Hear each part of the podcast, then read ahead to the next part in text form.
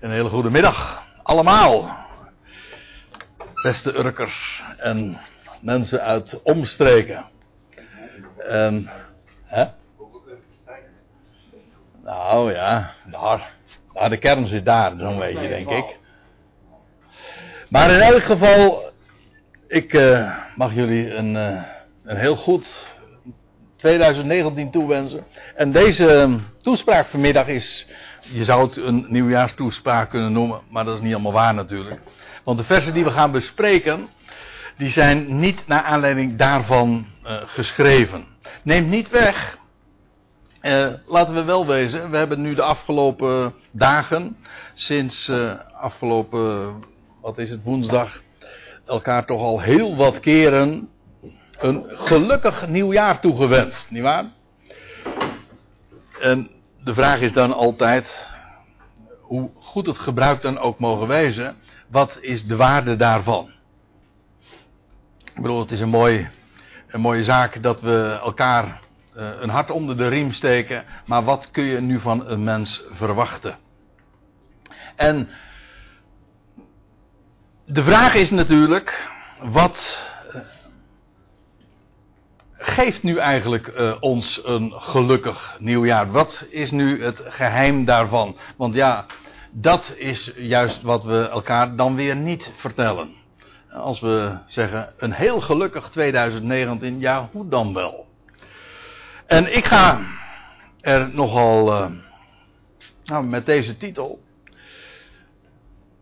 heel enthousiast van start, dat ziet u wel. Altijd blij en onbezorgd met een, zowel een vraagteken als een uitroepteken. Het uitroepteken, dat is eigenlijk waar het om gaat. Maar de vraagteken, die is gewoon daarin gelegen dat je natuurlijk als mens de vraag kunt stellen: is dat wel voor ons haalbaar? Kan een mens dat? Kan een mens altijd blij zijn en ook nog eens altijd ook onbezorgd? En je zou natuurlijk dan de vraag kunnen stellen: is dat waar het vanmiddag dan om gaat, is dat een truc? Is dat een techniek die je moet leren om in een bepaalde mentale staat te komen? Uh, een meditatie of een bepaalde andere truc, uh, noem het een kunstje, waardoor je in zo'n toestand geraakt van blijdschap en onbezorgdheid. En wat ik eigenlijk wil vertellen is, uh, dat is niet een techniek, het heeft te maken met een wetenschap. Dat wil zeggen, het is niet iets wat de mens doet, maar het is iets wat je moet weten om de vruchten ervan te plukken. En dat is ook de reden waarom ik uh, vanmiddag uh, u wil meenemen naar Filippenzen 4. Laten we het eerst eens even lezen. Het gaat om een viertal versen. Filippenzen 4, vier versen. En dat suggereert al dat we wat te vieren hebben. Ja, en dat klopt ook. En dan gaan we ook uitgebreid uit te leggen. Verheug je in de Heer altijd. Laat ik eerst die vier versen dan voorlezen voordat we daar wat op gaan inzoomen. Verheug je in de Heer altijd. Wederom zal ik zeggen, verheug je. Laat jullie inschikkelijkheid alle mensen bekend worden. De Heer is nabij. Wees in geen ding bezorgd, maar laat in alles, in gebed en smeking, met dankzegging, jullie verzoeken bekend worden naar God toe. En de vrede van de God, die superieur is boven elk denken, zal als in een vesting de harten en gedachten van jullie bewaren in Christus Jezus. Deze vier versen zijn het onderwerp van, uh, van de studie of toespraak van vanmiddag. En nou, zoals gebruikelijk, we beginnen gewoon bij het begin. De route is in die zin dus heel simpel. En we beginnen bij deze mooie woorden: verheug je in de Heer altijd. Of zoals de MBG-vertaling zegt: verblijd u in de Heer te alle tijden. En dan die herhaling wederom zal ik zeggen, verblijd u. En Ja, dat zijn prachtige woorden. Maar laten we eerst eens, uh, laten we eerst eens eventjes uh, dat wat meer nader bezien. Ik bedoel ook definiëren. Wat betekent dat nou verheug je? Oftewel verblijd je. Het lijkt simpel. Maar wat betekent dat nu eigenlijk? Het, in de eerste plaats moet je vaststellen dat als zo'n oproep gedaan wordt, verheug je of verblijd je, dat veronderstelt dat er een, een heugelijk feit is. Want je verheugt je altijd in iets of om iets. Ik bedoel, je kan niet uh, zomaar iemand het commando geven van verheug je. Uh, ja, dan vraag je waarin dan wel? Of waarom dan wel? Dat betekent dus dat er, er, er iets moet zijn dat een reden geeft om je te verheugen. En dat is de veronderstelling. Er is een heugelijk feit, of heugelijke feiten. En vervolgens geldt daar dan die aansporing, en dat klinkt hierdoor. Dat is de aansporing namelijk om dit te vieren. Om dit als een feest ook werkelijk te beleven. Want ja, dat is wat het uh, betekent. Verheug je. Uh, hoe is de uitspraak ook alweer? Het leven is een feest waar trouwens lang niet iedereen het mee eens is. Maar je moet zelf de slingers ophangen. En zo was die toch? Maar in elk geval, er is een reden van. Er is een reden om je te verheugen en vervolgens gaan wij dit vieren. Nou, dat is wat verheugen is. Je daarin ook verblijden. En je zodanig uh, daarop te focussen, op dat heugelijke feit. En ja, dan op je paasbest je te kleden en de slingers op te hangen, of hoe heet dat allemaal. Uh, als je een feest gaat vieren, dan, uh, dan, dan tref je je aanpassingen om dat inderdaad ook feestelijk allemaal aan te kleden. Eigenlijk wat Paulus hier zegt is, verheug je, verheug je in de Heer altijd, er is een reden om je te verblijden. Er staat in Spreuken 15, vers 15, en wij hadden destijds een, eh, een, een Egyptenaar aan de, aan de gang, en eh, mijn broer Dirk die, die kan dat bevestigen, en die, eh, die, die ja, die probeerde Nederlands te leren. En toen had mijn vader hem een, een oude statenvertaling ooit eens een keer gegeven. En toen. Uh, hij, uh, hij kon heel goed leren. En die had een hele Bijbelpassages. Leerde die zo uit zijn hoofd. En toen kwam hij op een keertje op een ochtend. Toen zei hij van: Ik heb wat uh, geleerd. En toen vertelde hij wat hij gelezen had in Spreuken 15. En toen noemde hij die woorden. in Spreuken 15, vers 15. Voor de, en toen zei hij het op zijn. Ja, hij, hij, wist niet precies hoe je dat moest uitspreken. Maar ik hoor het hem nog zeggen. Uh, voor, voor de blijmoedige is het altijd feest. Zoiets, zoiets zei hij. uh, voor de blijmoedige is het altijd feest. Dat staat in Spreuken 15, vers 15, makkelijk te onthouden. Dat, uh, dat is één ding. Ik moet er nog iets bij zeggen. En ik denk dat dat buitengewoon belangrijk is. Ik had het misschien als, als inleidende opmerking als eerste zelfs moeten zeggen. Namelijk dat de kracht van deze woorden ook daarin gelegen is. Dat dit opgetekend is door Paulus. Die schreef deze brief. Hij schreef het aan Filippiërs. In uh, de streek daar bij Saloniki in Macedonië. Maar hij schreef het vanuit de gevangenis. Diverse keren maakte hij daar ook uh, melding van in deze brief. Hij schreef de brief vanuit de gevangenis. En juist het feit dat hij in de gevangenis gezeten. Niettemin zoveel vreugde heeft. Want de dit is niet de eerste keer dat hij dit schreef. In hoofdstuk 3 lees je ook al dat, ik zal er straks trouwens nog even op wijzen, dat hij ook al deze aansporing deed. Er is geen brief in heel het Nieuwe Testament te vinden dat zo het accent legt op vreugde en blijdschap en je te verheugen. Maar het is geschreven dus door iemand die in de gevangenis zat. En die zoveel had meegemaakt en juist het feit dat hij dat schrijft, dat hij anderen verblijdt en aanspoort om je te verblijden, dat, dat geeft dus aan, dat is niet zomaar uit de hemel komen vallen van iemand die geen idee had van hoe zwaar en moeilijk het leven kon zijn. Nee, dat wist hij juist donders goed. En in die omstandigheden schrijft hij deze dingen. En dat geeft des te meer reden voor ons om ja, onze oren te spitsen. En zeggen van, die man die moet werkelijk wat te melden hebben. Nou, dat is ook zo. Dus, dat is één ding.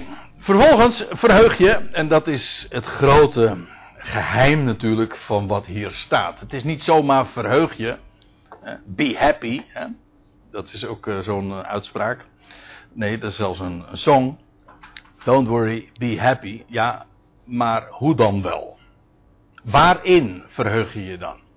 En waarin moet je dan zo happy wezen? En hoezo je geen zorgen maken? En hier, in deze woorden, in de Heer, in het feit dat er iemand is die Heer is, dat is de reden waarom je je altijd kunt en mag verheugen. Ik moet er wel iets bij zeggen, want ik heb dit altijd wat vreemd gevonden.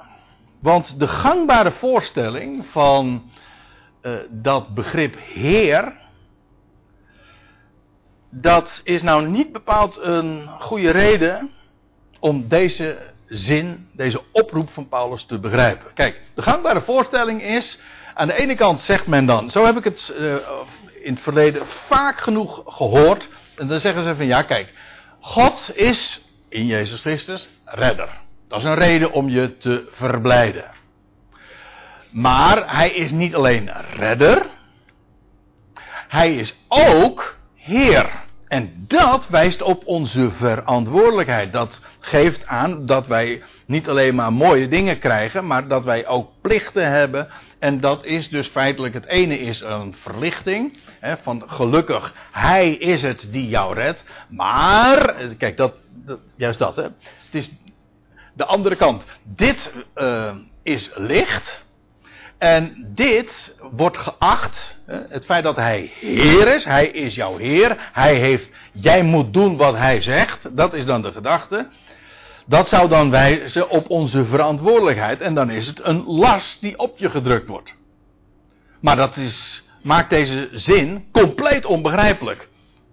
Want als dat waar zou zijn, Namelijk, hij is redder, maar hij is niet alleen jouw redder, hij is ook je Heer. En dat betekent dat jij wat moet doen. Hoe kan Paulus dan schrijven? Verheug je in het feit dat hij de Heer is. Dus dat suggereert, nee, dat geeft direct aan dat het feit dat hij Heer is, een reden is om je te verblijden. Dus dat, dat, gangbare verhaal van ja, hij is, het is niet alleen maar mooi, maar het is niet alleen maar, hoe was het ook alweer? Het is niet alleen maar genade, het is ook wet.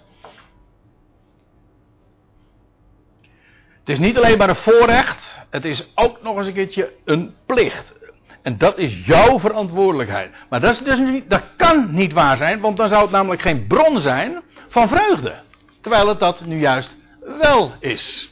Ik zeg u, het feit dat hij Heer is, is net zo goed verlichting. In de dubbele zin van het woord trouwens. Niet alleen maar verlichting in de zin van dat het een, een last van je afneemt, maar ook in verlichting in de zin van het doet het duister opklaren. Het maakt je denken en alles in je hart en om je heen licht.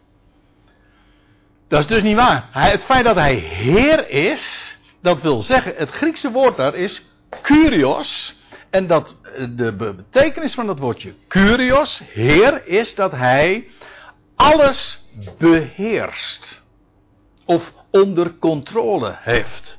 Dat is wat Heer betekent. Hij is curios. Maar als ik het zo zeg, dan begrijp je ook meteen waarom het een bron van vreugde is. Er is iemand die alles beheerst, die alles beschikt, die alles in zijn hand heeft, die alles onder controle heeft. Ja, als je dat beseft, dat is een reden om je te verblijden. Of niet soms? En ik zal, ik zal een aantal voorbeelden geven. Uh, kort. Uh, hoe, hoe inderdaad die, dat gegeven dat hij curios is, een bron van vreugde is. In 1 Korinthe 1 vers 31. Er staat, opdat het zij gelijk geschreven staat, wie roemt, die roemen in de Heer. Of, oftewel, het feit dat hij curios is, is een reden om te roemen. Nog een vers. Romeinen 12. Nee, dat klopt niet. Dit moet Romeinen 10 zijn. Uh, daar staat: één en dezelfde is Heer van allen en rijk voor allen die Hem aanroepen.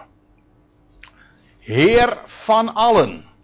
Let op, Heer van allen betekent dus niet zoals trouwens in de MBG-vertaling staat ten onrechte Heer over allen. Nee, Heer van allen. Is een heel groot verschil. Heer van allen wil, wil gewoon zeggen dat Hij de Heer van mij is, de Heer van jou is en de Heer van al die miljarden mensen is. Hij is hun Heer. Hij is hun eigenaar. Dat betekent, ik begrijp best dat men daar ook aan gemorreld heeft. Aan dat gegeven. Want ja, hoe was het ook alweer? Dat in de. In bijvoorbeeld de Heidelberger Catechisme staat van ja, wat is het, uh, het, uh, uw, uw enige troost in leven en sterven? Dat ik het eigendom ben van, van Christus Jezus, hè, van Jezus Christus. En dat wordt dan als exclusief gegeven uh, gepresenteerd. Hij is ja, de Heer van, van gelovigen. Nee, hij is de Heer van allen. Gelovigen erkennen dat, maar hij is de Heer van allen. Hij is eigenaar van iedereen. Oftewel, elk mens is zijn eigendom.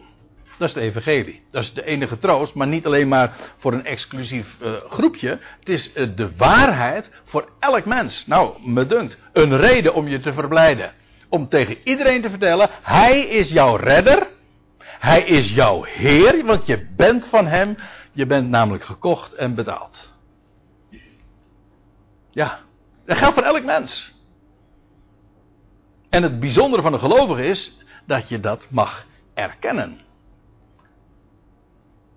Maar de waarheid is onverminderd van toepassing op elk creatuur, op elk mensenkind.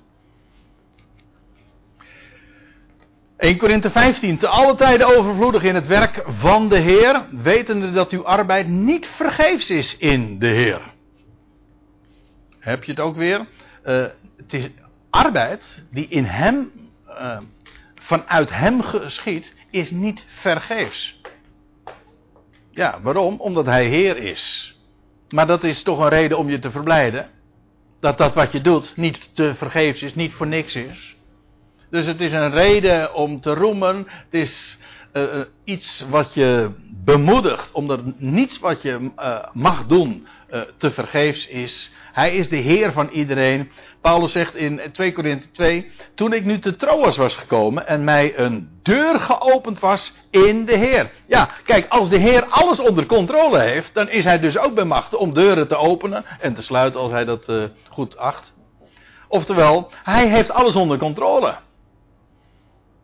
Ook dat is dus altijd weer een bron van vreugde. Dat is eigenlijk wat ik ermee wil benadrukken. En ook van kracht, want er staat in Efeze 6 voorts, wees krachtig in de Heer. Iedere keer in de Heer. Wees krachtig in de Heer en in de sterkte van zijn macht. Ook hier weer um, in die curios, maar juist daarin vind je al de alle kracht die je ook maar nodig hebt. Zie je, je hebt zoveel reden om juist daarom omhoog te kijken naar Hem, die het allemaal onder controle heeft, die dus met recht curios is. En aangezien dat zo is, eh, altijd zo is, heb je dus ook altijd, die bron van vreugde. Kijk, uh, het leven heeft uh, talloze variabelen. Eigenlijk is het, als er, één, als er één constante in het leven is, wel dat het voortdurend allemaal verandert. En de wisselingen van het lot. De omstandigheden, privé of in je werk. Uh, wat dacht u trouwens van de gevoelsmatige wisselingen? Je kunt uh, door van alles uh, worden ja, belast en beladen. Kortom, dat is allemaal aan, aan variatie, wisselingen onderhevig. We zeggen dan, het leven heeft zijn vreugde en zijn verdriet, een lach en een traan. Maar er is in al die variatie één constante en dat is, er is één Heer.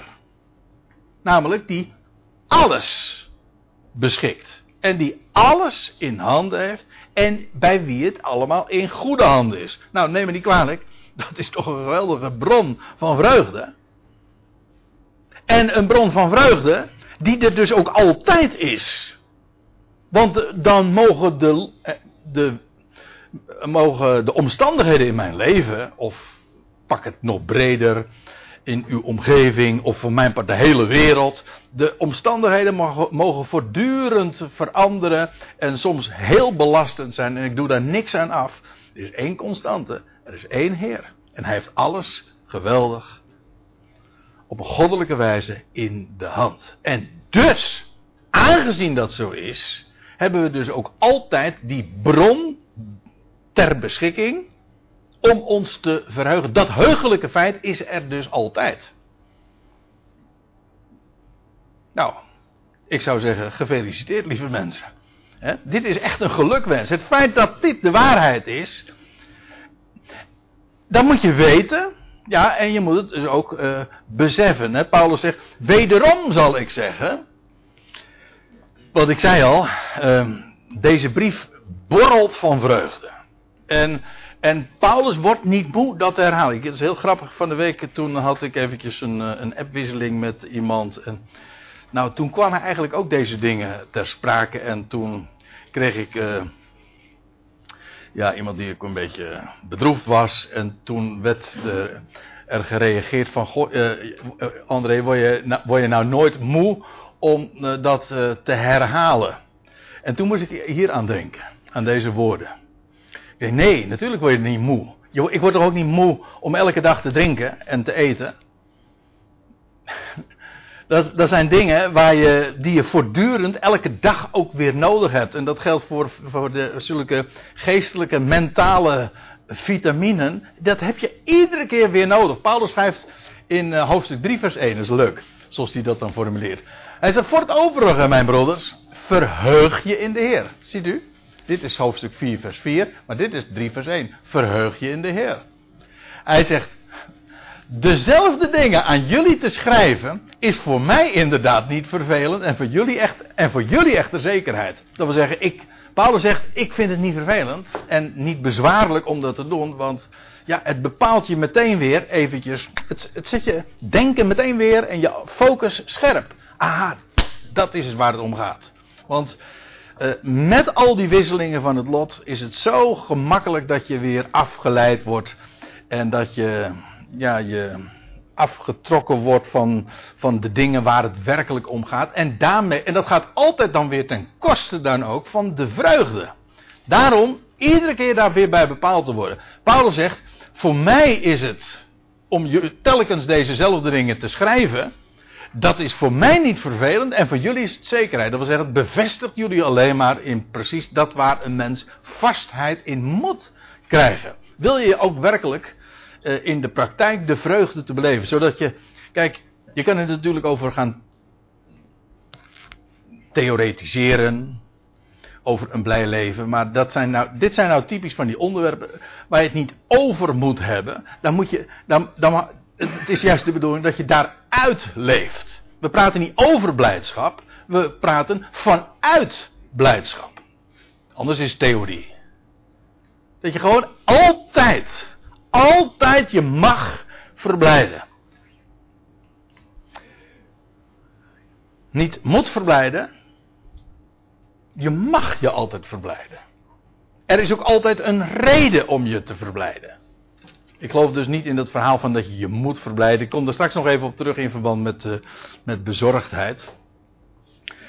Uh, nu uh, ga ik even verder, vers 5. Paulus schrijft dan: Laat jullie inschikkelijkheid alle mensen bekend worden.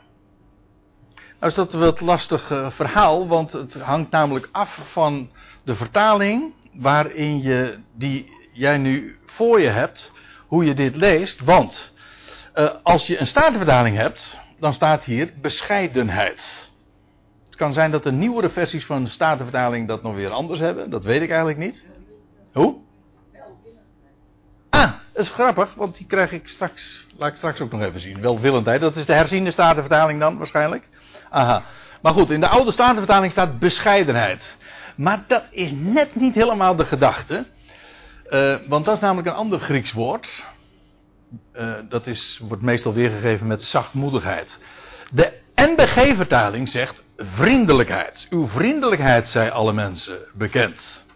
Maar vriendelijkheid, het zit er tegenaan. Ik wil dat straks ook even laten zien. Maar is net nog weer even anders. Dat is namelijk ook weer een ander Grieks woord. Gastvrijheid. Staat het? Gastvrijheid. Waar staat dat? welke vertaling? Nee, ik weet niet welke vertaling dat staat. Ik heb al vier, vijf vertalingen zijn uitgelegd. Ik weet niet welke oh. Oh, die, maar die van gastvrijheid ben ik niet tegengekomen. Dat, dat, dat, is, dat, is, dat is weer een heel ander woord. Gastvrijheid is alle mensen bekend. Ja, dat staat ergens anders. Nee, nee, nee, maar dat is. Ja, er wordt wel over gastvrijheid gesproken. Maar in dit vers wordt dat niet zo eh, vertaald. Dat is een.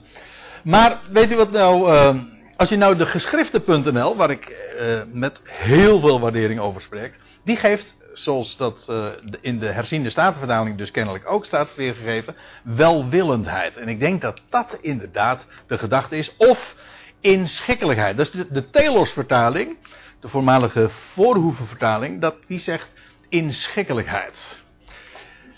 Ik zeg niet dat deze begrippen uh, totaal verschillend zijn. Ik denk dat er voor een groot gedeelte ook overlap is. Maar uh, neemt niet weg, inschikkelijkheid of welwillendheid is toch wat anders dan uh, puur vriendelijkheid.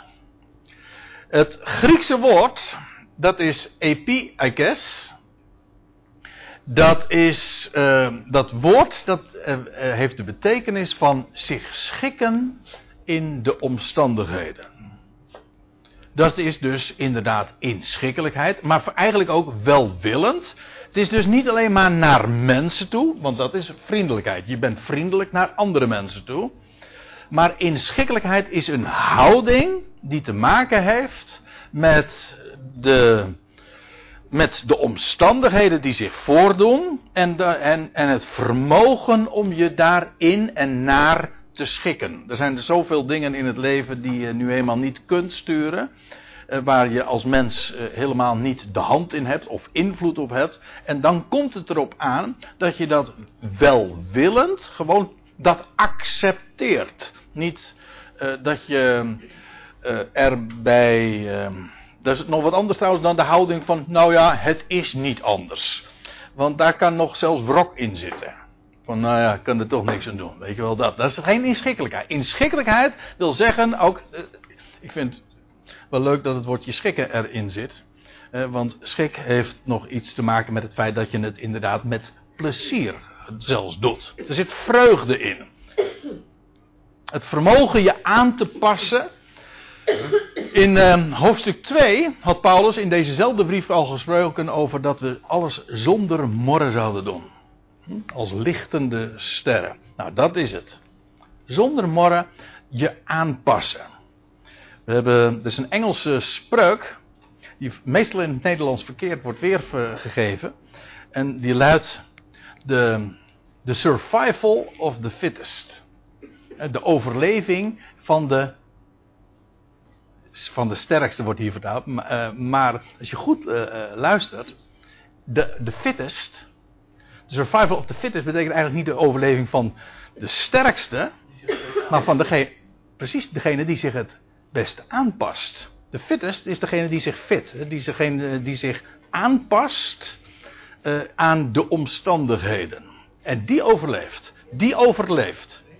Dus de survival of the fittest is dus niet de sterkste. Dus je zou, feitelijk is dat zelfs een, een, een pleonasme. Want ja, degene die overleeft, die is sowieso de sterkste. Daarom overleeft hij juist.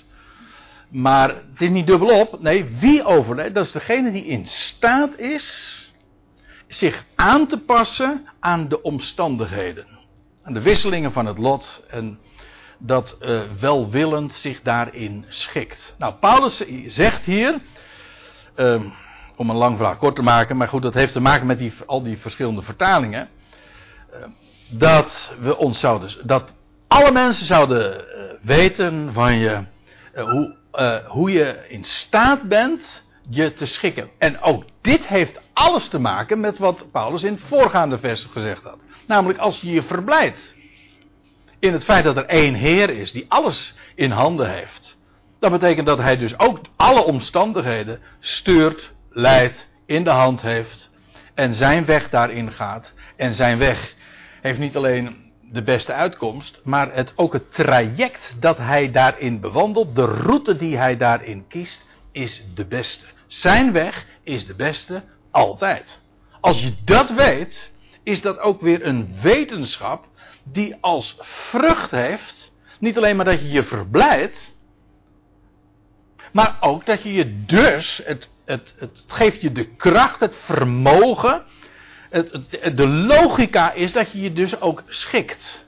En dus dat je ook niet mort. Integendeel, dat je welwillend de dingen accepteert en dat je je daarin voegt. En dat je, en dat, dat uh, bescheidenheid en vriendelijkheid tot gevolg heeft, dat allemaal tot je dienst. Maar die welwillendheid, die inschikkelijkheid, dat is het element. En eh, wat ik benadruk is, het gaat om het feit, hij is Heer. Nou ja, ik hoef niet eens terug te verwijzen, want dat had Paulus niet alleen maar in het voorgaande vers gezegd, hij zegt het hier weer. Laat jullie inschikkelijkheid alle mensen bekend worden. Ja, hoezo? Nou, de Heer is nabij. Die Heer waar je je altijd in kunt verblijden. Want Hij heeft namelijk altijd alles in de hand. Alles is in goede handen. Ja, nou, die is nabij. En dus dat is een, een bron, een basis. Om je te schikken. Zodat uh, mensen zeggen. Uh, dat, ja, ik vind het prachtig zoals het hier geformuleerd wordt. Het, geeft, het maakt inderdaad uh, dat je, je schikt en dat je daar zelfs een, een reputatie door krijgt. Het suggereert trouwens namelijk ook dat alle mensen niet zo inschikkelijk zijn. Daarom valt het zo op als je het wel bent. en ik zou zeggen, sla de krant op, kijk naar het journaal of naar het nieuws en hoor interviews of luister eens een keertje wat er in de kantine gezegd wordt. Met de koffie en zo. Mensen doen niet anders dan morren en klagen. Is het niet over, over de politiek, dan is het over het weer of over weet ik veel wat. Mensen hebben altijd wat te klagen. En als er iets is, dus wat, wat, waar, uh, wat onderscheidend is, dan is het juist wel inschikkelijkheid. Namelijk die welwillende gezindheid in het leven. En de, de, die, de mentaliteit die uitstraalt van. Ze kunnen allemaal zeggen wat ze willen en morren wat ze willen en mopperen wat ze doen. Ik weet, het is allemaal in goede handen. En uh, ik kijk daarom omhoog. En uh, jullie kunnen me wat. maar uh, het is in goede handen. En je wijst omhoog en daarom is het goed. Ja, zo hè, dit. Het is, het is goed. Begrijpt u? En ik hoop ook dat ik nou duidelijk maak. Dit is dus niet dat, die, dat, dat ongemotiveerde en dat oppervlakkige don't worry, be happy. Want dat is, dat is op zich oppervlakkig. Don't worry, be happy zegt namelijk, vertelt namelijk niet het geheim. Het, ik vertel u het geheim. Het geheim, of wat ik vertel u, Paulus ge, uh, geeft dat aan. Er is een Heer. En als je dat werkelijk begrijpt, Mensen, ook trouwens in de christelijke wereld, begrijpen dat niet hoor. Ik geef, dat, dat klinkt misschien niet zo aardig, maar het is echt zo. Eh, in de Heer. Sterker nog, dat is een, een, uh, het is een beetje een spotterm. Hè? Eh, mensen zeggen, oh, nou, die is in de Heer. Hm? Uh, ja, waarom zeggen ze dat? Omdat eigenlijk niks zeggend is. Eh, christenen kunnen vaak al niet uitleggen waarom het een bron van vreugde is, want ze zeggen dat het is iets wat belastend is. Ze weten niet dat, hij, dat alles echt in goede handen is. Ze weten ook niet dat hij de Heer van allen is. Kortom, zij, hebben, zij missen die, die, die, die werkelijke vreugde. Die, als Paulus hierop wijst, dan wijst hij op een ongelimiteerde bron van vreugde. En Paulus vanuit de gevangenis, die bepaald wist waar hij het over had, die zegt tegen de Filippiërs, uh, daar moet je wezen. En, en Paulus ging daarin gewoon in voor. Dus het was maar niet zo van dat hij dat andere schreef terwijl hij het zelf niet had. Nee, hij, hij zegt: Ik wil graag dat jullie delen in dat wat ik zelf mag kennen. Wat die Filippiërs trouwens ook kenden, maar hij herinnert hen eraan. Dat is feitelijk wat hij doet. De Heer is nabij. We zeggen, hij is er altijd. Het gaat er niet zozeer om dat de komst van de Heer nabij is. Wat wij natuurlijk nu ook wel kunnen zeggen. Maar daar gaat het niet om die komst, of de parousia. Het gaat er, die Heer zelf is altijd dichtbij. In Handelingen 17 zegt hij. Uh, uh, dat, dan is hij in Athene. En dan op de Areopagus is hij daar aan het woord en dan spreekt hij over die God die hemel en aarde gemaakt heeft en dan zegt hij daarover, hoewel hij niet ver weg is van een ieder van ons. hoezo? Nou, want in hem leven wij, bewegen wij en, oh, moet hier een N achter, en zijn wij. Daarom. Hij is niet ver weg. Hij is onze leefomgeving. Want de hele, hij omvat de hele schepping. In hem leven wij. En waar je ook heen gaat, je, kan, je komt nooit buiten hem. De, uh, dat zegt, Paul, uh, dat zegt uh, David ook in Psalm 139. Dan steeg ik ten hemel, u bent daar. En maakte ik het dodenrijk tot mijn sponde, u bent daar net zo goed. Ik kan, waarheen kan ik vluchten voor uw aangezicht? Kan helemaal niet. Hij omgeeft mij van achter en van voren. Ik kan nooit voor hem vluchten. Hij is altijd nabij. Waar ik ook ga. En in welke omstandigheden ik ook ben. En in welke gevoelens ik mij ook bevind. Hij is er altijd. Oké. Je rekent daar niet altijd mee. Je beseft het niet altijd. En de meeste mensen weten het domweg ook niet. De eerste, je moet het natuurlijk eerst. Wil je hieruit kunnen putten, moet je wel weten dat die bron er is. Dat lijkt me nogal duidelijk. En dat is precies ook wat we eigenlijk doen op het moment dat je het evangelie vertelt. Je, je vertelt ze een goed bericht. zodat ze op de hoogte zijn. Zodat ze het weten. Je kunt je alleen maar verheugen ja, als je een goed bericht hoort. Aha, en op het moment dat je het weet, ja, dan kun je er ook uit gaan leven. En ik zei al, de omstandigheden in het leven kunnen, die, die zijn zodanig, zo wisselend, dat we voortdurend, echt dagelijks weer hieraan herinnerd worden. Dit zijn woorden waar je echt uh, geen genoeg van kan krijgen. Elke dag weer opnieuw bepaald worden. Je wordt wakker en meteen Filippenzen 4. Hij is er. Dat is waar het om gaat.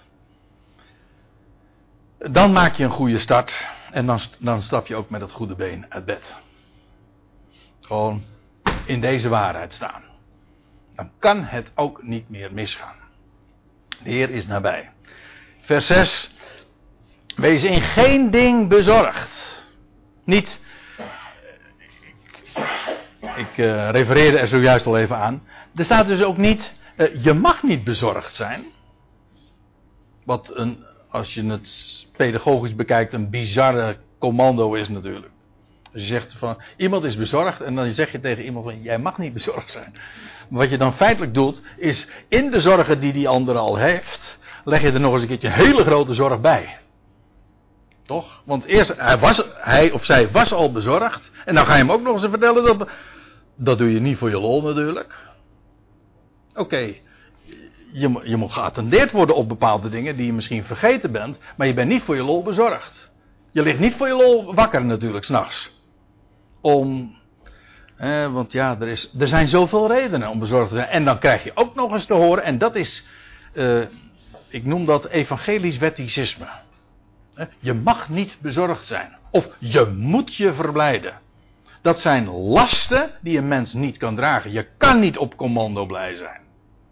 Je kan niet op commando zeggen van nou, nou, ik uh, krijg nu te horen ik mag niet bezorgd zijn. Nou, dan is mijn zorgen leg ik neer. Zo werkt dat niet. Dat weten we allemaal. Maar dat zegt Paulus ook niet. Dat gaat het gaat er niet om dat je niet bezorgd mag zijn. Eh, eh, wat, wat hij zegt, er is een Heer. En dus, er wordt voor je gezorgd. En weet je wat, wat de grote kracht daarvan is? Dan, dan wordt niet verteld wat je moet doen. Dan wordt er niet jou een techniek voorgehouden. Nee, wat jou verteld wordt.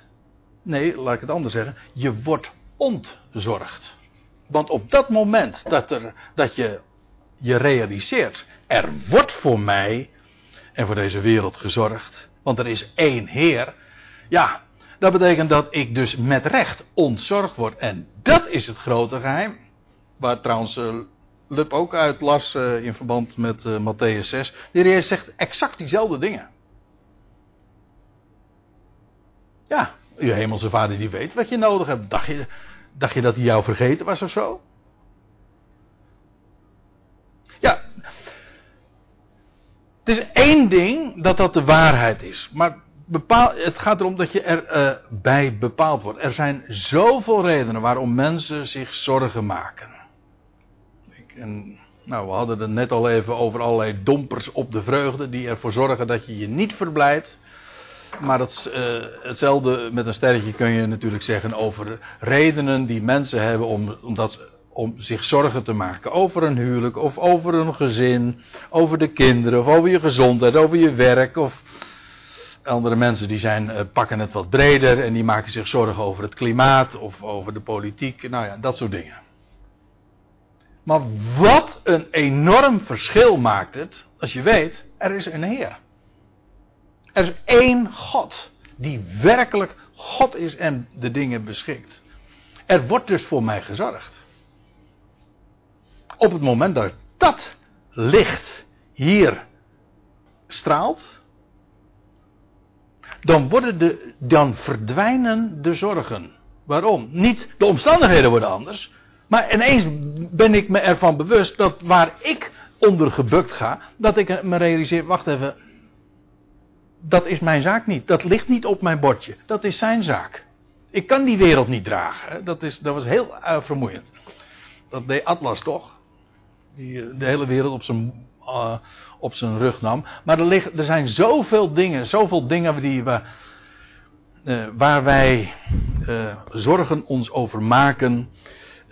en nooit heeft dat een, een, een rendement. Ooit hoorde ik, en dat was een mooie one-liner: zorgen moet je doen, niet maken. Kijk, je zorgt voor je kinderen. Hè? Je zorgt voor je konijn. Uh, je zorgt voor. Ja, nou ja. Sorry dat ik die twee nu zo eventjes in één adem noem. Maar ik bedoel, daar, daar doe je iets voor. Daar heeft de ander wat aan.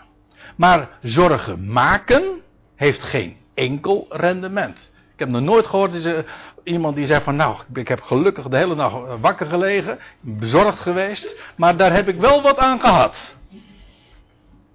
Sterker nog, het heeft een negatief rendement, want eh, je bent ook nog eens een keertje je, je nachtrust uh, heb je verspeeld. Kortom, het levert helemaal niks op naar degene waar je bezorgd om bent. Dus uh, het feit dat je geen zorgen maakt, uh, is niet oppervlakkig. Het is juist, als je tenminste het geheim kent, is dat juist echte ernst. Je, ne je neemt namelijk de waarheid ernstig, de waarheid namelijk dat er een God is en dat ontzorgt je, dat verlicht je, dat wil zeggen de, de alle lasten worden dan ineens van je afgenomen. Dat is een geweldige wetenschap. Wees in geen ding bezorgd, maar laat in alles. In gebed en smeking, met dankzegging, jullie verzoeken bekend worden naar God toe. Mooi. Sorry. Zo mooi hierin vind ik de uh, feit dat Paulus hier zegt ook weer dat alles. Eerst was het in vers 4 altijd. En nu in alles. In alle omstandigheden. Dan zijn er dingen dat je verzoeken hebt in gebed en smeking. Waar je zo ernstig van hoopt dat dat in een bepaalde wijze uh, zou worden opgelost. Je hebt een gebed, een bede, een verzoek. En je smeekt God dat het zo zou gaan. En Paulus zegt, doe het maar gerust. Mensen zeggen wel eens, mag ik daarvoor bidden? Ik zou niet weten waar je niet voor zou mogen bidden. Nee. Als, dat, als het iets is wat op jouw hart drukt, bid ervoor. Paulus zegt, in alles. Door gebed en smeek. Maar waar het om gaat, is wat ik hier ook onderstreept heb. En dat is een combinatie die misschien niet direct voor de hand ligt. Want mensen bidden wel. Maar als je weet dat er één Heer is, dan ga je dat doen met dankzegging. Het is dus eigenlijk bij voorbaat dank. Want ik bedoel daarmee niet, uh, ik noem maar wat, je bent ziek en je bidt de Heer voor genezing. Dat kan. Waarom niet? Waarom zou je de Heer niet mogen bidden om genezing? Hij kan je toch genezen? Ja, natuurlijk, dan staat er een heel leger uh, mensen klaar die zeggen: nee, maar de Heer gaat dat ook doen. Nou, dat heb ik niet gelezen. Tenminste, niet in verband met deze tijd. Maar het is wel zo dat wat de Heer ook doet, het altijd goed is. Hij, kijk, uh, het was uh, iemand die ooit eens zei van, als wij om zilver vragen, dan geeft God goud. Dan heb ik een leuke theologische vraag. Als wij om zilver vragen en God geeft goud, heeft hij jouw gebed dan verhoord, ja of nee?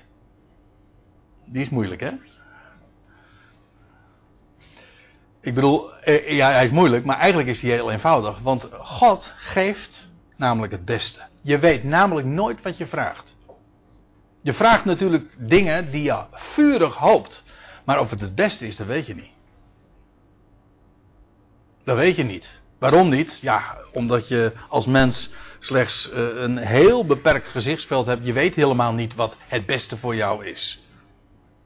Maar je weet één ding wel, en dat is dat God, die jouw leven en de hele schepping in zijn hand heeft en het alle, die alle dingen leidt naar zijn voornemen. En die ook, hoe zegt hij dat in Romeinen 8? Um, hè? Die alle dingen, ja, ja, die bedoel ik. Die alles doet meewerken ten goede. Alles. Kijk, dat betekent dat bij al onze gebeden en smekingen waar we goed, vurig in verzoeken, hè, onze uh, verzoeken, onze vragen neerleggen. Dat je altijd bij voorbaat kan danken dat wat hij ook doet, zijn weg altijd de beste is. Dat is toch geweldig? Weer een reden om te, hem te blijden. Inderdaad, met dankzegging. Met dankzegging. Zo onze verzoeken bekendmaken naar God toe. Aan de ene kant dus naar al, alle mensen zijn bekend met het feit dat je inschikkelijk bent. Als je weet dat er een Heer is en, en God is bekend met al jouw gebeden en je, en je smekingen, die je met dankzegging bij Hem brengt. En weet je wat geweldig is? Op het moment dat je dat met dankzegging doet, dan ineens word je erbij bepaald, er is een Heer. Die als een vader voor mij zorgt. En die voor wie niets onmogelijk is. En vandaar ook dat dan vervolgens vers 7 uh, eh, vervolgt. En dat is zo'n schitterend, ja, een schitterende afsluiting van, dit, van, dit peri, van deze pericoop. Want dan zegt hij, en de vrede van de God, die superieur is boven elk denken. Die zal als in een vesting de harten en de gedachten van jullie bewaren in Christus Jezus. Laten we eens eventjes wat nader naar dit vers kijken. In de eerste plaats dit. Er staat hier de vrede van God. Dat is belangrijk, er staat niet de vrede met God. Elders spreekt Paulus in Romeinen 5 bijvoorbeeld dat wij vrede hebben met God. Maar dat is iets heel anders. Vrede met God wil zeggen, er was eerst sprake van vijandschap. Ik was van hem vervreemd. Maar nu ik hem mag kennen als vader, is er vrede naar hem toe. Dat zegt dus iets over de relatie tussen mij en hem. Dan is er de vrede met God. Ik kan hem recht in de ogen kijken en daar is een verhouding. De verhouding tussen hem en mij is er een van vrede, van harmonie. Waar de vijandschap en de vervreemding totaal verdwenen is. Maar de vrede van God, neem die term gewoon heel letterlijk. De vrede van God is de vrede die God zelf heeft. God heeft vrede.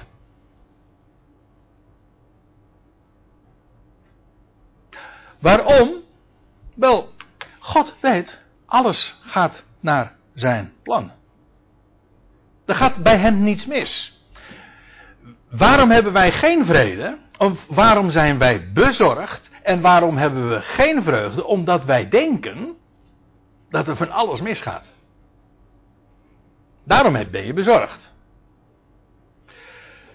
Maar God, denkt u nou werkelijk dat met, de, met alle vragen en moeite die wij hebben, dat, dat zijn troon wankelt omdat uh, dat het allemaal zo moeilijk daar op aarde gaat, daar in Urk of in Rijnsburg? Of, oh, je, wat moet ik nu zeggen?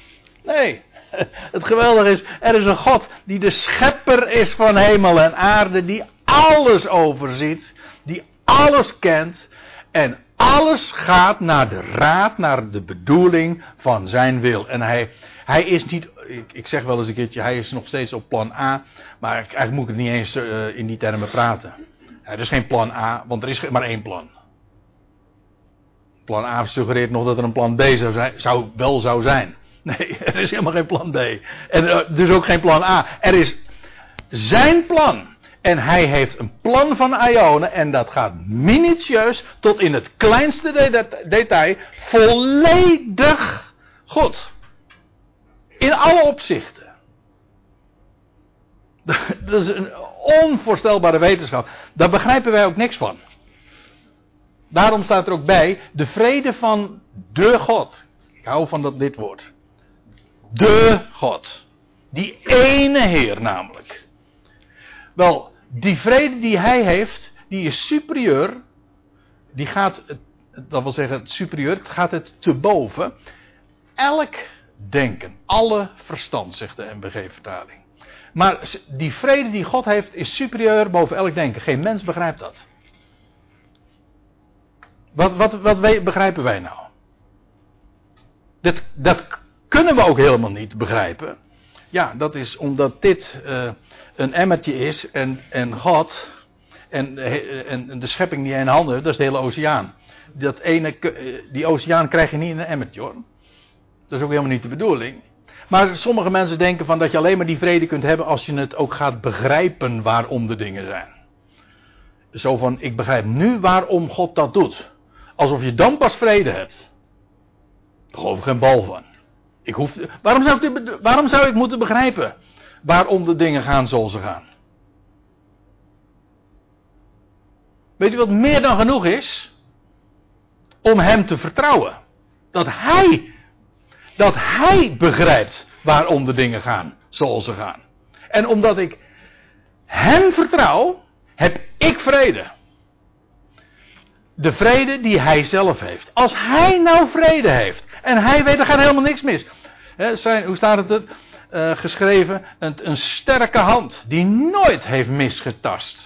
En, en, en, de psalmen spreken over dat het vastgebouwen, en dat is een berijmde psalm trouwens, het vastgebouwen van zijn gunstbewijzen en dat naar zijn gemaakt bestek in eeuwigheid zal reizen. Zo hoor ik uh, dat nu weer ineens in mijn hoofd zingen. Maar in ieder geval, het gaat mij om dat naar zijn gemaakt bestek. Ja, hij heeft een plan als een architect. En daarin alles is tot in detail en in, en in fasen is dat allemaal opgetekend. En het gaat perfect. Dat is de vrede van God. Ik begrijp er geen boven. En ik hoef het ook helemaal niet te begrijpen. Hij heeft alles in handen. En die vrede van de God die superieur is. Boven elk denken. Het trans, dat noemen ze met een mooi woord. Het transcendeert. Het gaat elk begrip te boven.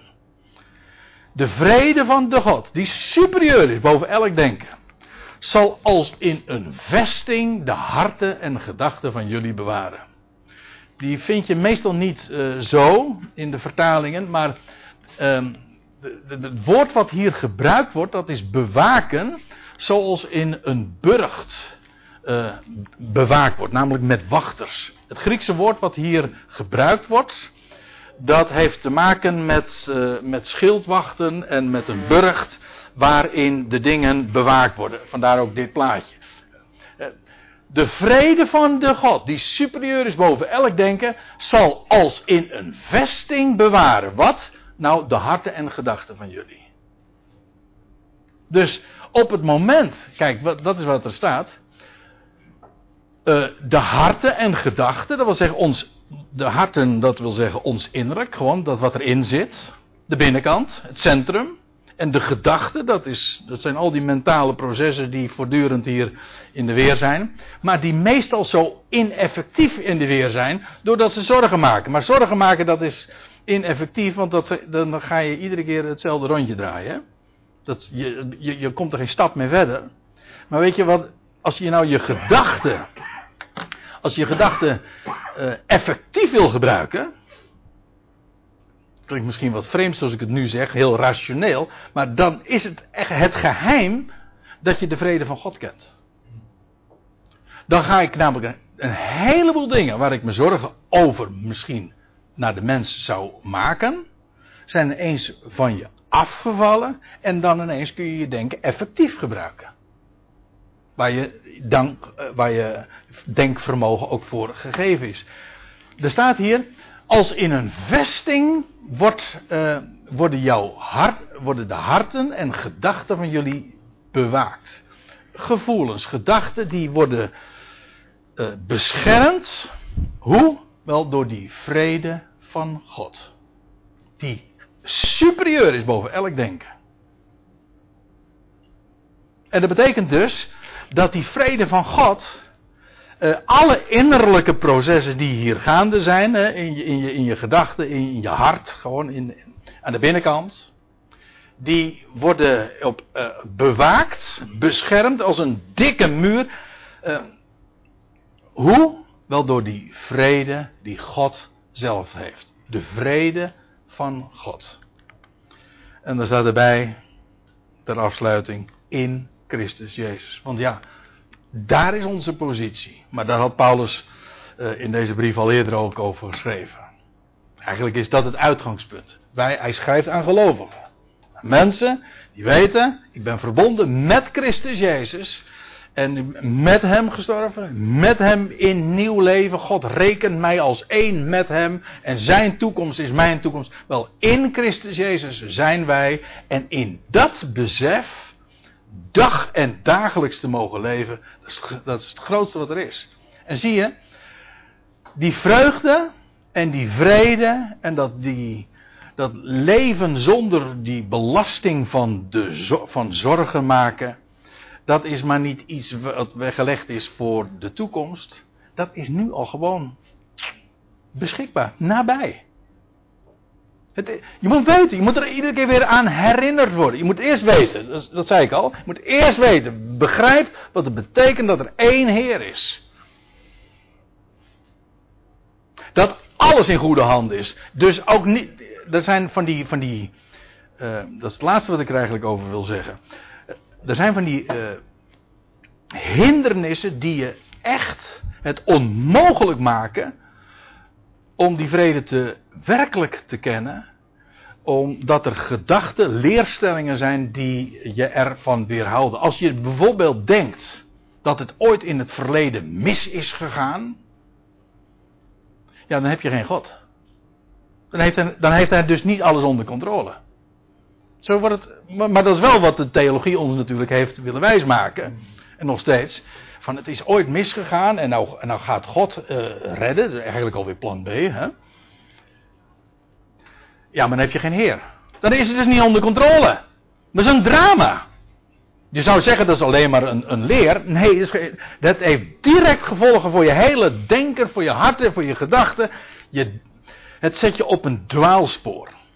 En als je ook ja, als je eenmaal in dat stramien denkt van het is ooit misgegaan, uh, dan, zit je, dan is het natuurlijk de volgende stap, het komt ook nooit meer goed ook. Maar wij weten, ik bedoel, dat is de essentie van het goede bericht. Alles is in zijn hand, er gaat nooit iets mis en hij brengt alles tot het aller, allerbeste einde voor heel de schepping, voor heel de mensheid, voor iedereen. Nou, Dat is geluk en dat is vrede. En daarom gefeliciteerd met 2019. Zo gaan we het nieuwe jaar in.